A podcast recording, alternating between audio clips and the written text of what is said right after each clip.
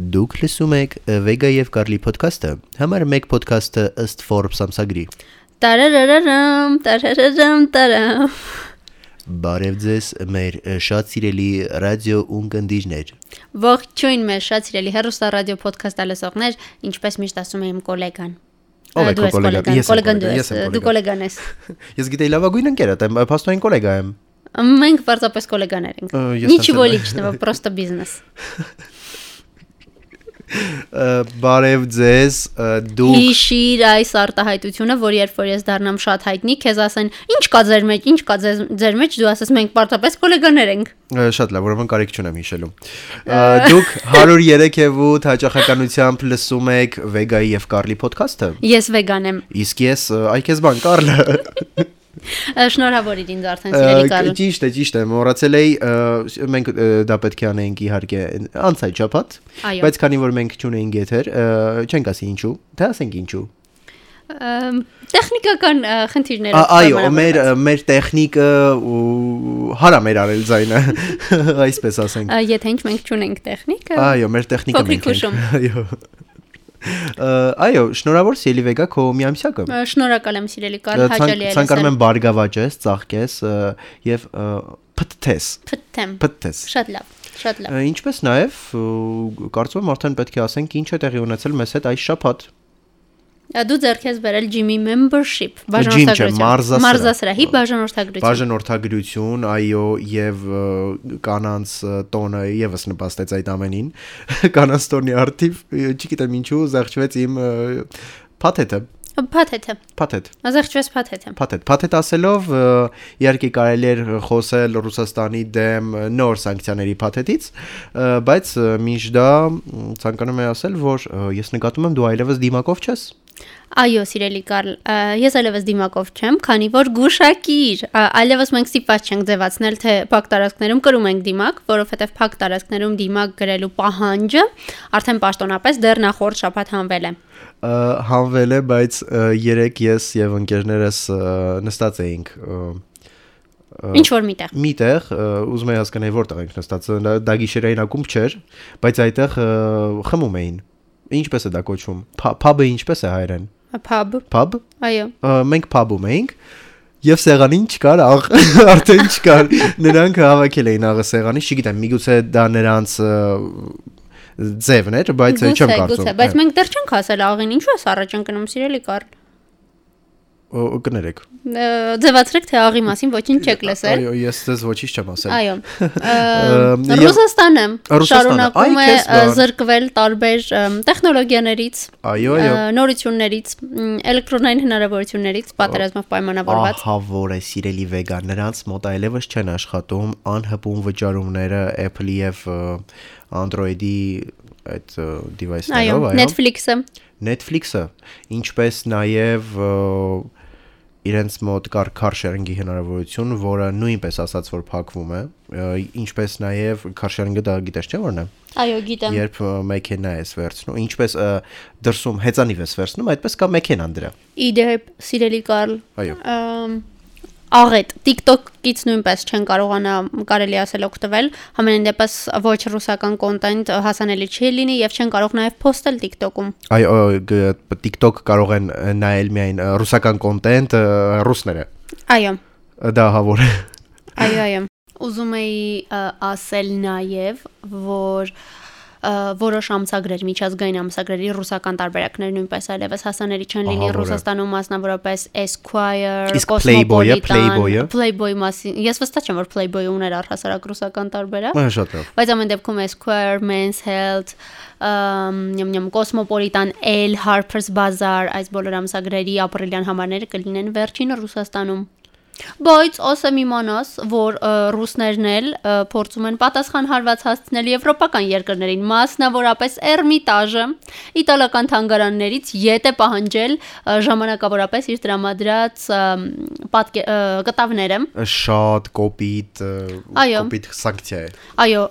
հատկապես Միլանի մի պատկերասրահի տնօրենն ասում էր, որ բայց մենք մեր ցուցահանդեսը մինչև մարտի վերջ է,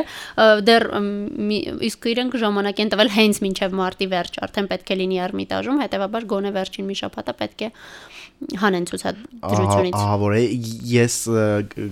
հենց հիմա կհանեի այդ ցուցահանդեսից այդ նկարները որպես սանկցիա։ Շատ լավ։ Շատ լավ եւ վերջի կարևոր ը, ամփոփումը ինչ բուն նորություններին անցնելը Քիմը։ Քիմը եւ Քանյան։ Այո, Քիմը պաշտոնապես single է։ Արդեն Single նշանակում է Ամուրի, ամուրի, Ամ- ամուրի։ Բաժանված, բաժանված կին է։ Բաժանված կին, որը ունի մի քանի երեխա։ Ինչպես կասեին հայերը։ Շատ լավ, սիրելի Կարլ, շատ դաժան, ինչ որ շատ վատ կոնտեքստով Ես հնչեց։ ես հիմա դա ասացի այնպես, ինչպես կասեր ցանկացած այդպես միջին վիճակագրական հայ։ Ա, Շատ լավ, սիրելի Կարլ, շատ լավ կարծիք ես մեր ազգագիցների մասին։ հազար ներողություն, փոխեք իմ կարծիքը, գրեք մեզ նամակ վեգաշնի Կարլ.am-ին եւ ասեք, որ ես սխալ եմ։ Շնորհակալ կլինեմ։ Եթե դուք ը, միջին վիճակագրական հայ եք իհարկե, եթե ոչ, ապա մի գրեք։ Իսկ ինչպես հասկանալ դու միջին վիճակագրական հայ ես, թե ոչ։ Եթե դու լսում ես Թաթուլ, եթե դու խաղում ես նարդի, եթե դու Սիրտս վկայում է, որ ես այս հատվածը ստիպված կլինեմ մոնտաժել, այնպես որ խնդրում եմ անցիր դուրերին։ շատ լավ, Մի բարթացրու իմ գործը։ գիտես, գիտես հիմա ժամը քանիսն է։ Վստահ եմ դու ինձ կասես։ Ա, Լուրեր կարդալու ժամն է ելի Շատ լավ։ Շարունակենք այդ ռուսական սանկցիաների թեման Այո։ եւ գիտես ով է իր կարծիքը ասել Պատկերացում չունեմ։ պարոն Թրամփը Աստված իմ, իսկ ես արդեն անհանգստանում եի։ այդպիսի այո։ նարնջագույն դեմքով եւ մազերով Այո, ես արդեն անհանգիստ էի ասում։ Էի Թրամփը ոչինչ չի ասել, Թրամփը ոչինչ չի ասել, երբ կասի Թրամփը։ իր ծավալուն ելույթում ԱՄՆ նախկին նախագահ Դոնալդ Թրամփը ուկրաինական ճգնաժամի ուրույն լուծում է առաջարկել։ Երբեք չես գուշակի ինչ լուծում։ Գաղափար չունեմ։ Գաղափար չունես, ես տենց էլ գիտեի։ Ամերիկյան ը, կործանիչների վրա չինական դրոշներ կախել եւ ուղարկել Ռուսաստանը ռմբակոծելու ու գրողի ծոցն ուղարկելու։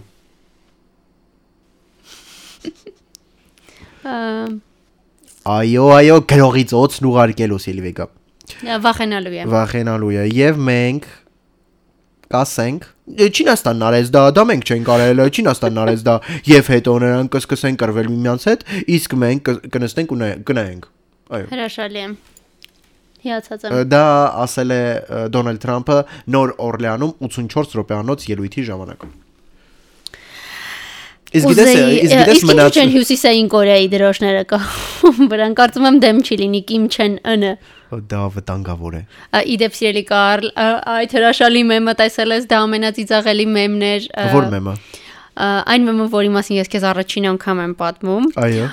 որ Հյուսիսային Կորեայի նախագահը Կիմ Չեն Ընը, հուսով եմ ճիշտ եմ ասում նրա ազգանունը, տխուր նստած է պատուհանի մոտ լացակումած եւ թաց աչքերով եւ ներքևում գրած է. Երբ դու դու ինքդ էիր ուզում սկսել երրորդ համաշխարհայինը, բայց սկսեցին ու քեզ չկանչեցին։ Շատ լավ։ էր, Շատ լավ է մեր, դու պետք է տեսնեիր դա։ Դու պատմեցիր ինձ, էլ չեմ ուզում տեսնել։ Իսկ հիմա վերադառնանք աղին։ Այ քեզ բան։ Իսկ գիտես ինչու, գուցե ինչու այն փաբում չկարաղ եւ թե ինչու հավանական է որ այլևս ոչ մի տեղ չլինի աղ, մինչև չխնդրես որ տան։ Որ փաբում մենք այդ թեման փակել էինք, մենք խնդրեցինք որ մոռանա լավ։ Հիմա ստիպված կրկին պետք է վերհիշի։ Չէ, չէ։ Դե ուրեմն Մոռացեք նաև նախորդնակատարությունը։ Հանրային սննդի օբյեկտներում սեղանին աղաման դնելը կարող է արգելվել, իսկ առանց սպառողի պահանջի աղաման դնելու համար պատասխանատվություն կսահմանի նման նախագիծը ներկայացրել ով, ով, ով, գուշակիր։ ը, ենթադրում եմ առողջապահության Այո, առողջապահության նախարարությունն է առաջարկել նման նախագիծ։ Նրանք ասում են, հանրային սննդի օբյեկտներում սեղանի վրա առանց սպառողի պահանջի աղամանի արկայությունը առաջացնում է տուգանքի նշանակում տնտեսվարողի նկատմամբ սահմանված նվազագույն աշխատավարձի 30-ապատիկի չափով։ 30-ապատիկի Իսկ դու չափով։ դա գիտես ինչքան է։ Գաղափար չունեմ։ Ես կասեմ քեզ։ Ես գիտեմ 60 60 հազարն է մեր նվազագույն աշխատավարձը։ Չէ, այդպես չեն հաշվում։ Բա ինչպես են հաշվում։ Նվազագույն աշխատավարձը 1000 դրամն է։ Այո։ 30 պատիկը դա 30000-ն է։ Դա այսինքն նվազ օրեք օրական Ոչ, ոչ, այդ այդպես են հաշվում միջին այդ բանը։ Այսինքն ցանկացած անգամ, երբ գրված է լինում օրինակ 500 ապատիկի չափով կամ 100 ապատիկի չափով, դա հենց 500.000 դրամն է կամ 100.000։ Ահա, Այո։ Շատ լավ։ Կարծում եմ մենք աղ կունենանք ամեն դեպքում Ես սեղաններին։ քեզ տուգանում եմ քո աշխատավարձի մեկապատիկի չափով։ Շատ լավ։ Շատ լավ։ Առաջարկվում է համապատասխան լրացումներ կատարել առևտրի եւ ծառայությունների մասին Հայաստանի Հանրապետության օրենքում եւ վարչական իրավախախտումների մասին օրենսգրքում։ Նախագծի հիմնավորման մեջ նշվում է, որ Ուշադրություն։ Սննդակարգում աղի քանակի նվազեցումը կարևոր քայլ է սրտանոթային հիվանդությունների, մասնավորապես հիպերտոնիայի, ինսուլտի, սրտի անբավարարության եւ սրտի այլ հիվանդությունների եւ երիկամների քրոնիկ հիվանդության առաջացման ռիսկը նվազեցնելու համար։ Համոզեցի քեզ, որ պետք է աղ չդնեն սեղանին։ Իսկ ես կարող եմ իմ կարծիքը ասել։ Այո։ Շատ տխմար առաջարկ էս ելի վեգա, որովհետև աղը դա ծխախոտ չէ, եթե ես տեսնեմ աղ ես չեմ ցանկանային ուտել։ Աղը ես լցնում եմ միայն երբ աղի պակաս ունեմ։ Այ քեզ բան, դա ինչ էր։ Դե տես, բայց կան մարդիկ, որոնք ամաչում են մատուցողներից ինչ որ բան խնդրել։ Կան Այո, նման մարդիկ։ այո, Նրանք ես նման մարդկանցից եմ։ Այո, Իմ ընկերը իմ ընկերը մի անգամ ասաց, որ խնդրեմ աղ կուզես։ Ես ասացի, օքեյ, գնացի այդ սննդի սննդի սննդի կետի մոտ ե- եւ ասացի եւ չասացի մոտիկացա ընկերոջս ասացի չունեին աղ Ամենավատն այն է, որ ես վստահ եմ սա ճիշտ պատմություն է. Կարլն այն մարդկանցից է, որ եթե պատվիրի օրինակ լազանյա, իսկ իրեն բերեն ոլորով ձվածեղ, նա կամաչի խնդրել, որ փոխեն իր պատվերը եւ խելոք կուտի այդ ոլորով ձվածեղը։ ես այդ մարդն եմ Այո։ Իդեպ ըստ ԱՀԿ-ի առողջապահության համաշխարհային կազմակերպության կերակրի աղի քանակը չպետք է գերազանցի օրական 5 դրամը, 5 գրամը ներողություն։ Մինչդեռ Հայաստանում դրա օգտագործման ծավալը կրկնակի գերազանցում է ԱՀԿ-ի կողմից սահմանված շեմը։ Բա մենք շատ աղակեր ազգ ենք։ Ինչպես են դա նկատել։ Ին- Ինձ թվում է ինչ որ մեկը նստել է եւ նայել է թե կողքի սեղանում ով ինչքան աղ է լցնում։ Ը, Չգիտեմ, իսկ դու աղակեր ես, կարելի է այդպես ասել, դա կա նման Ես Դու շատ ես աղ ես օգտագործում։ ուտելիքի մեջ եթե ինչ որ սննդի կետում եմ, երբեք չեմ ավելացնում աղ, որովհետեւ ըստիս ը, աղը նորմալ քանակի է լինում։ Այո, եթե խոհարարը որոշել է, որ այդ ուտելիքի աղը այդքան պետք է լինի, ուրեմն այդքան պետք է լինի։ Իհարկե, եթե տխմար խոհարար չէ։ Ցելի կալ շատ այս ասում այսօր տխմար։ Շատ լավ բառ է։ Իդեպ եւս մեկ մինուս աղաման չլինելու սեղանին այդ խեղճ բիբարը մենակ է լինելու եւ Ես կարծում եմ, եթե աղ չդնեն, չեն դնի նաև բիբար։ Մի տեսակ ը, հոմ ես այլ մտահոգություն ունեմ։ ապա Սրճարաններում ինչի վրա են հենելու այն փոքրիկ մենյուները եւ բրոշյուրները եւ ակցիաները, այն որ այսպես լիքը թղթեր կան, որոնք հենած են այդ աղամաններին։ Որտեղ են հենելու։ Այն ձեթի շշի վրա, որ դնում են ձեթի կարծում եմ եթե սոյայի։ մենք սա ասենք առողջապահության նախարարին Կարծում եմ նրանք հաշվի չեն առել այս կետը։ Այո, պետք է նրանց ասել, որ կա։ առողջապահ նախարարյանին ապա նա մեզ կհասկանա եւ չի չի մտցնի այս օրենքը օրակարգ Շատ լավ սիրելի Կարլը։ Կարծում եմ ես կկարդամ հաջորդ նորությունը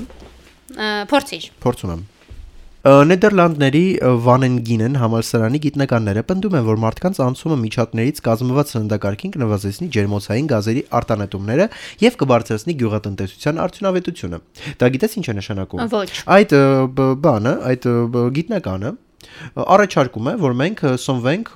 բլոճիկներով։ Թերևս հրաժարվեմ։ Ես դեռ ունեմ նյութ կարդալու։ Միգուցե կեսից, միգուցե կեսից քեզ համոզի։ Չեմ կարծում, բայց շարունակիր։ Փորձագետների կարծիքով միջատները սպիտակուցի աղբյուր են, որը ոչ մի կերպ չի զիջում մսին եւ որոշ առումներով նույնիսկ գերազանցում է մսին։ 1 կիլոգրամ ալյուրի որտ աճեցնելը կբերի 1 կիլոգրամ սպիտակուց, մինչդեռ 1 կիլոգրամ տավարի միս աճեցնելու համար կպահանջվի 10 անգամ ավելի շատ հող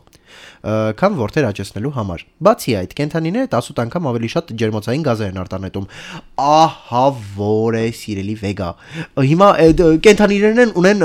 գազի խնդիր։ Գազիկներ։ Գազիկներ, հիմա չի կարելի, չէ։ Բոբոջիկ է։ Մի- Միգուցե ունեն բան, ինչպես էին դրան ասում, կոսմոսի հետ կապ ուներ։ Մեթեորիզմ, հա, մեթե մե- մեթեորիզմ։ Սիրելի Կարլ, ես կարող ես ասել, որն է իմ ամենաչսիրելի համալսարանը։ Որն է։ Նիդերլանդների Wageningen համալսարանը։ Տանել չեմ կարողանում։ Շատ վատ համալսարան է։ Շատ լավ։ Ես ունեմ շարունակություն։ Շատ լավ։ Բացի այդ միջատներ աճեցնելուց հետո մնացած արտաթորանքը եւ կարծում չպետք է կարդայի, բայց լավ։ Եվ դրանց ը, էկզոկմախքը կարող են օգտագործվել նաեւ որպես պարարտանյութ։ Էկզոկմախքներում պարունակվող խիտինը բարելավում է բույսերի աճը։ ഞാൻ կարծում եմ անգամ բույսերը չեն ցանկանում Սիրելի Կարլ, մի փոքրիկ հարց ունեմ, ուզում եմ ճշտեմ, մենք ամբողջ թողարկմանն ենք ձևացնելու, որ գիտենք թե ինչ է էգզակմախքը։ Նաեւ խիտինը, ինչ է Այո։ խիտինը։ Շատ լավ։ Ա, Ձևացնում ենք ամբողջ թողարկմանը։ Պարզապես հստակեցնեմ։ Այո, Շատ լավ, շարունակիր այդ դեպքում։ շարունակում եմ։ Այո։ շարունակում եմ եւ դու ես դու ես հիմա Ամ, Սիրելի Կարլ, դու գիտեիր, որ արդեն մի քանի տասնամյակ է, ինչ կարծիք է տարածվել, որ առողջությունը պահպանելու համար պետք է օրական առնվազն 10000 քայլի չափով զբոսանք իրականացնել։ Ես այդպես եմ անում ես դա կարդացել եմ եւ այդպես եմ անում Ես ունեմ հարց։ Վերջին մի քանի օրը մենք առհասարակ չենք քայլել։ Դու քայլել ես առանց ինձ, թե դու էլ չես քայլել։ ես քայլել եմ քիչ բայց ոչ այդքան Շատ լավ։ Ինչևէ, Պարզվում է, ամբողջ աշխարհում հազարավոր մարդկանց մասնակցությամբ 15 տարվա հետազոտության արդյունքում գիտնականները եզրահանգել են, որ այդ նորմը ոչ միայն հնացել է, այլ նաև ուռճացվել է գրեթե երկու անգամ կախված տարիքից կարելի է սահմանափակվել օրական 6000 քայլով։ Էվոլյուցիայի ընթացքում մարդու մոտ ձևավորվել է շարժման ֆիզիկական պահանջմունք, դա նախանրաժեշտ է նորմալ նյութափոխականության, փոխանակության, սրտանոթային համակարգի մկանների, ոսկորների ու անգամ հոգեկան առողջության համար։ Նույնիսկ կարճատև, սակայն պարբերական զբոսանքները երկարաձգում են կյանքն ու բարելավում ինքնազգացողությունը։ Սիրելի Կորլ, մենք ահագին կապրենք, մենք շատ ենք քայլում։ ես կարծում եմ քեզանից էլ ավելի շատ Այո, դու ավելի շատ կապրես, կարծում եմ։ Իսկ դու գիտես, սիրելի Կարլ, որ ես մի նյութ էի կարդացել ամիսներ առաջ, որտեղ այս մարդու ֆիզիկական շարժման եւ էվոլյուցիայի հետ կապված մի հետաքրքիր եզրահանգման էին եկել գիտնականները։ ապա Դե դու գիտես, որ ժամանակին մարդիկ եղել են շատ ավելի բարձրահասակ եւ թիկնեղ, հետագայում, քանի որ ֆիզիկական գործը գնալով ավելի թեթևացել եւ հեշտացել է մարդու համար, մենք ավելի փոքրացել ենք եւ գիտնականները համարում են, որ մի 200 տարի հետո մենք փոքրիկ կամ գուցե 100 տարի հետո մի քանի փոքրիկ ֆիզիկական այսպես ասած էվոլյուցիայի նշաններ կունենան կրկին, մասնավորապես ըստ այդ նյութի մեր ոտքերին կլինի 4 մատ 5-ի փոխարեն այո եւ նաեւ մենք կլինենք ավելի կոր, այսինքն ավելի կուզիկ։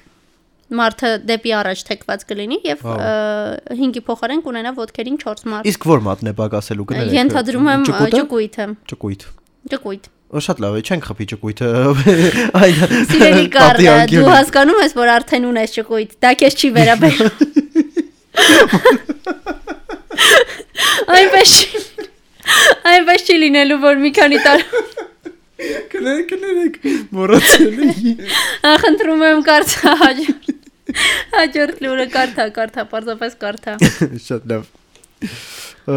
рэփեր Kanye West-ը Քիմ Քարդաշյանի հետ պաշտոնական բաժանումից մի քանի օր անց Instagram-ում հրապարակել է բանաստեղծություն Իմ սիրելի բանաստեղծներից է քան։ Այո, նվիրված ամուսնալուծությանը, ինչպես հասկացար։ Ստեղծագործության մեջ բաժանությունը համեմատվում է կոտրված ապակու վրա քայլելու կամ կորոնավիրուսի հետ։ Ըստ բանաստեղծության սիրեցյալից պաշտոնական ամուսնալուծությունը շատ նման է այն իրավիճակին, երբ մարդը ձեռքերը վառել է տ- տակ վառարանի վրա,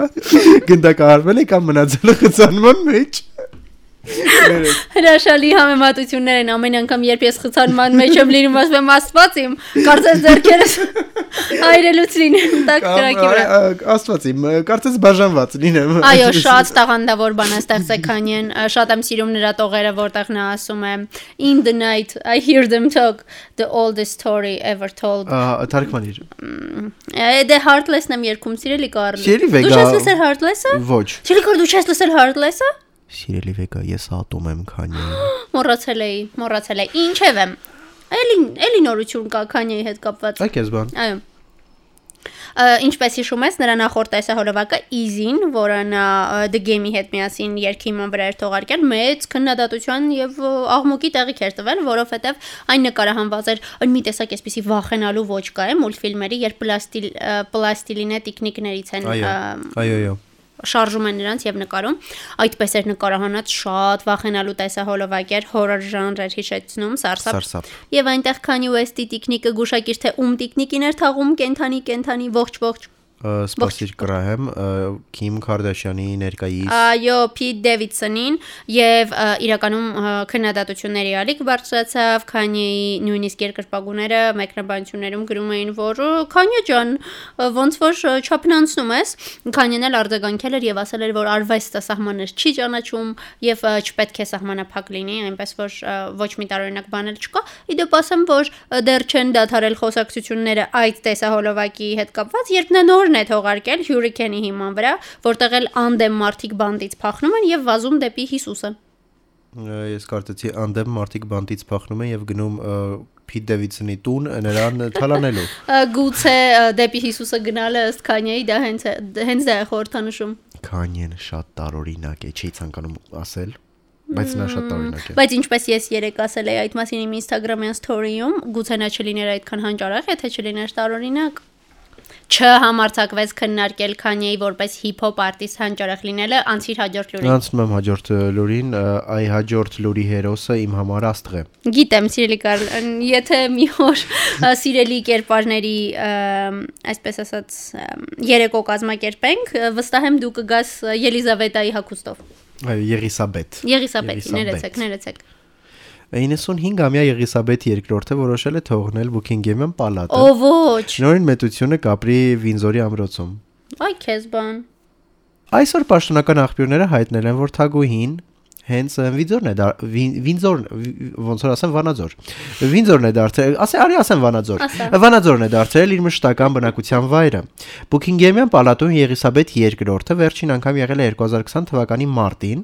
Նույն մեծությունը կաշխատի տանից բարձրաստի- բարձրաստիճան պաշտոնյաների բոլոր պաշտոնական այցերը տեղափոխվել են Բերքշիրի նրա նստավայր։ Այո։ Այժմ պալատականները, պալատական, ինչպիսի հին հին բառ էր։ Այո։ Պալատականները նույնպես ձգտում են նվազագույնի հասցնել թագուհու բոլոր հնարավոր ուղևորությունները, որն այնուամենայնիվ խոստովանել է, որ թույլ է։ Ընդ որում նա կատակել է, որ դեռ կարողանում է շարժվել։ Առողջություն ենք մաղթում Թագուհուն։ Դու համաձայն ես, որ դա կարևոր որոշում էր Եղիզաբեթ II-ի կողմից թողնել Բուքինգեմյան պալատը։ Կարևորոտ։ Սիրելի վեգա։ Սիրելի Կարլի Մանցման Անց- համար պետք է որ ասես այո։ Այո, սիրելի վեգա։ Այո, սիրելի Կարլ, բոլորս էլ կյանքում կատարում ենք կարևոր որոշումներ։ Եվ այս մի նյութը, որը հանել է իմ սիրելի գոլեգան AKA դու, մեզ պատմում է այն 3 կարևոր որոշումների մասին, որ յուրաքանչյուր մարդ պետք է կատարի։ Ուզում ես իմանալ, թե որոնք են այդ որոշումները եւ ինչպես պետք է դրանք կատարել։ Այ քեզ բան, երբեք չեմ լսել այդ Քանի որ սա ծավալու նյութ է, առաջարկում եմ դու պատմես թե որտեղից ես հանել այն։ Շատ լավ, մեր գործընկերների կայքից, նույն ինքն է news.am Շատ լավ։ Բոլոր հարցերով կխնդրեմ նամակ գրել Vega շնիկ news.am հասցեին։ Ես կապ չունեմ այստեղ։ Ինչև է, առաջին որոշում, բայց ը, մինչև այդ ասեմ, որ այստեղ գրված է, եթե այդ որոշումները ընդունում եք անգիտակցաբար, ապա ձեզ սպասվում է նույն ճակատագիրը, ինչը մյուս բոլորին է բաժին հասնում։ Իսկ եթե գիտակցաբար, ուրեմն կարող եք հենց այսօրվանից փոխել ձեր կյանքը։ Ինչ է նշանակում, ինչը մյուս բոլորին է բաժին հասնում։ Այսինքն ես եւ արքայազն Ջորջը, որը ծնվել է վերոհիշալ Բուքինգեմյան պալատում եւ արդեն մուլտի միլիոնատերը նույն ճակատագիրն ունենք։ Չեմ կարծում թե նյութի հեղինակը դա է նկատի Չգիտեմ։ ունեցել։ Ինչև է, առաջին որոշում, սիրելի Կարլ։ Ընտրեք, թե ինչի վրա պետք է կենտրոնանալ։ Ձեր կյանքի յուրաքանչյուր վարքյան դուք միլիոնավոր երևույթների մասին եք մտածում եւ ունեք ընտրության հնարավորություն, թե դրանցից որ մտքի վրա կարելի է կենտրոնանալ։ Հիշեք, որ առավել կարևոր են այն մտքերը, որոնք իրագործելի են այժմ եւ այստեղ, իսկ ապագայի եւ անցյալի վրա կենտրոնանալը զուտ ժամանակի կորուստ է։ Կենտրոնացիր ինձ վրա, խնդրում եմ այս պահին եւ մի մտածի քո անցյալի մասին։ Կներես, ես էլ մտածում, բայց լավ։ Շատ լավ։ Պետք չէ կենտրոնանալ այն հանգամ։ Ա, չէ, կարծում եմ դու պետք է կենտրոնանաս քո վարկերի վրա։ Այս պահի։ Շատ լավ։ Պետք չէ կենտրոնանալ հանգամանքի վրա, ինչը դուք չունեք, կամ ինչ որ մեկը ֆինանսական հարցերում ավելի հաջողակ է, քան դու։ Ոչինչ, որ քո գոլեգաները ավելի նոր հեռախոսներ ունեն, քան դու, սիրելի Կարլ։ հա։ Կենտրոնացիր նրա վրա, ինչ դու ունես։ վեգա, ես մոռացել էի այդ փաստը, էլ չէի ցանկանում հիշել, իսկ դու հիմա Ներիր։ հիշեցիր։ Ես հիմա Մի կենտրոնացիր, կարևորը չկենտրոնանալ։ Այո, գնահատիր այնինչ ունես, ձեր առողջությունը, ընտանիքը, ընկերներին հնարավորություններն ու խելամիտ տրամաբանությունը։ Աստված իմ վերջին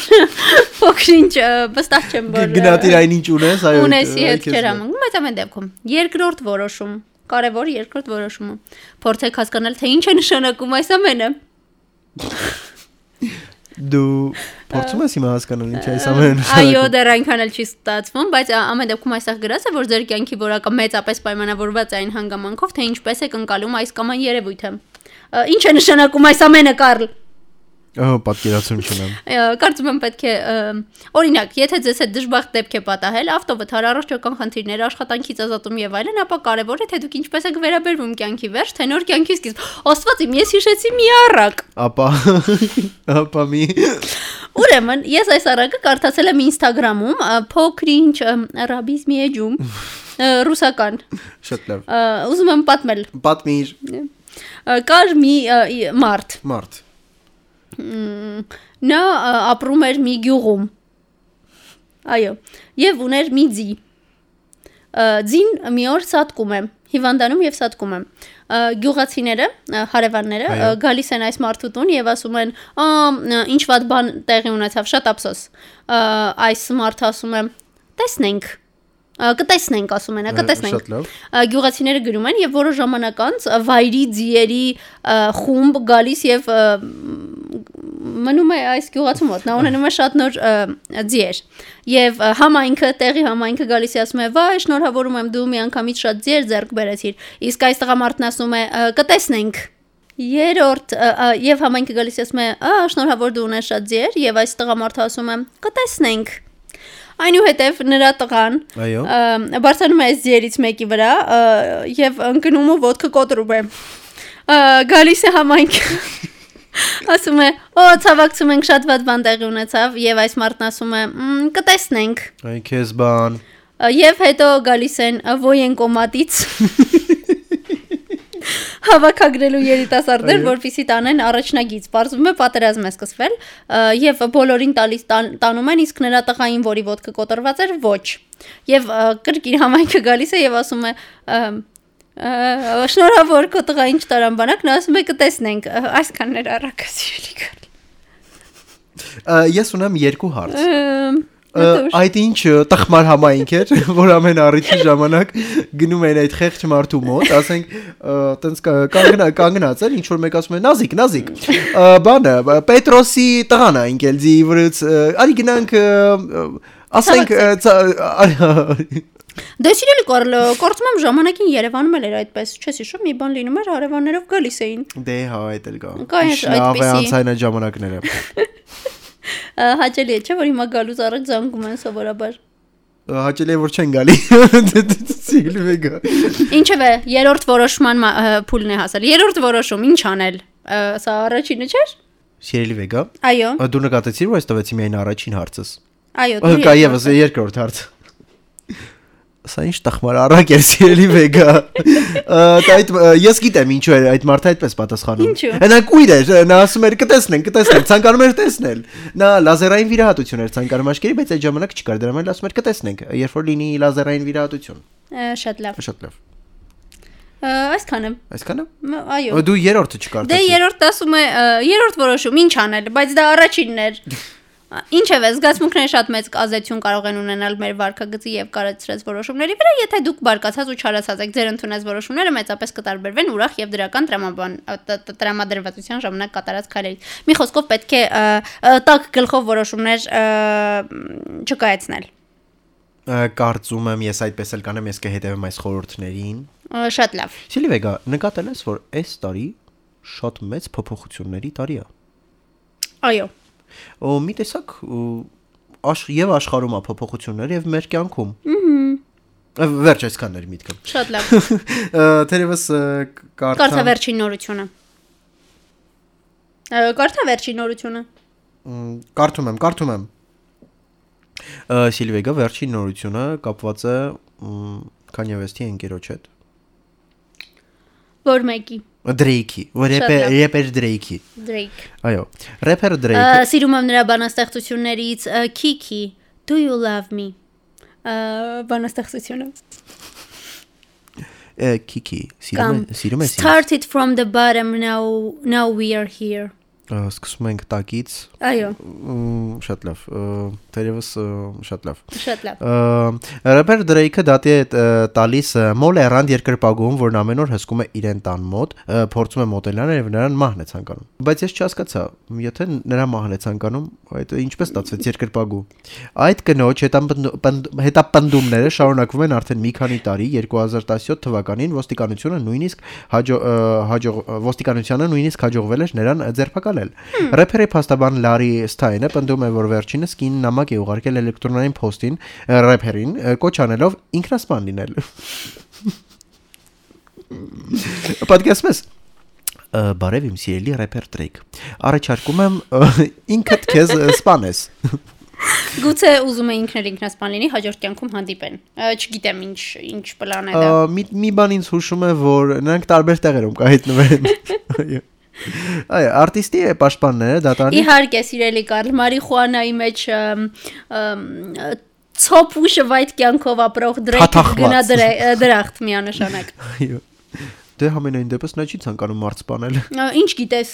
Դե դա էլ կա։ Շատ լավ։ Արտիստի պաշտպանները դատարանի խնդրում են անվտանգության հրաման ստորագրել, որ թույլ չի տա կնոջը 100 մետրից ավել մոտենալ Դրեյքին եւ նրա ընտանիքին։ Ա, Պատկերացնում ես հիմա այդ խեղճ կինը պետք է 100 մետր այն կողմ տանից կանգնի։ Եվ մեկ կարծում եմ նրան հերոդիտակ պետք է գա։ ը, Ա, Իդեպ Դրեյքը մի անգամ մի առիթով ասել է She said do you love me? I said only partly. I only love my bed and my mama I'm sorry. Կարծում եմ շատ տեղի Ներեցեք փոքրիկ գախնիկ բացը ը, մեր հաղորդումները parberabar լսում են հերոստա ռադիոխորտից եւ պահանջ կա որպեսզի մենք ավելի քիչ ասենք անգլերեն բառերը Բայց դա բանաստեղծություն է, սիրելի Կարլ, դա բանաստեղծ Drake-ի բանաստեղծություններից մեկն է։ Հիմա ես չեմ կարող այստեղ կարդալ օրինակ Byron չէ կամ այն մի բանաստեղծությունը, որի հեղինակին չեմ հիշում։ Tiger, Tiger։ իսեր աստծո ելի վեգա կխնդրեմ թարգմանես նոր կարդաս Շատ լավ։ Այդ դեպքում ես մյուս թողարկմանը կբերեմ թարգմանած Kanye West-ի Drake-ի ստեղծագործությունները։ Եվ մենք կխրտանք սիրելի Կարլ, մենք ամփոփելուց առաջ ունենք ողջույն։ Ողջույն պետք է փոխանցենք այսօր։ բացի ողջույնը մենք նաև ցանկանում ենք ասել որ նամակ գրեք մեզ այ քեզ բան Այո, մենք ունեինք նամակներ նախորդ թողարկմանը, որովհետև դրանք բողոք նամակներ էին, որովհետև նախորդ թողարկում այն մի տեսակ չկար տեխնիկական պատճառներով եւ մեզ Instagram-ում շատերը գրել էին, որ ուր է ոդքասթը, ուր է ոդքասթը եւ ես ուզում եմ մենք ողջունենք մեր հերոստա ռադիո ոդքասթը լսողներից մեկին, Քրիստինեին Ղանդիլյան եւ ասել, որ էլ չեն կանի նման բան։ Չեն կանի։ խոստանում ենք մենք այլևս չենք իդեպ ես ցանկանում եի մի բան էլ ասել մենք երեք մտածում էինք վեգայի հետ որ ունենանք մեր տելեգրամյան ալիքը հետո հասկացանք որ մեզ կհետևեն 10 հոգի եւ փոշմանեցինք Եվ ինչպես նաև հասկացանք, որ ինչու մեր գլխին եւս մի գործ բացենք, ը, ցտեսություն։ Ցտեսություն կհանդիպենք մյուս չորեքշաբթի։ հաջողություն Սուրցակոց իմ սրտում ու Աստված իմ խնդրում։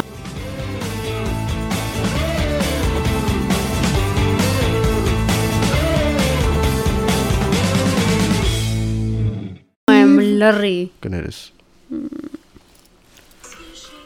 Վահա։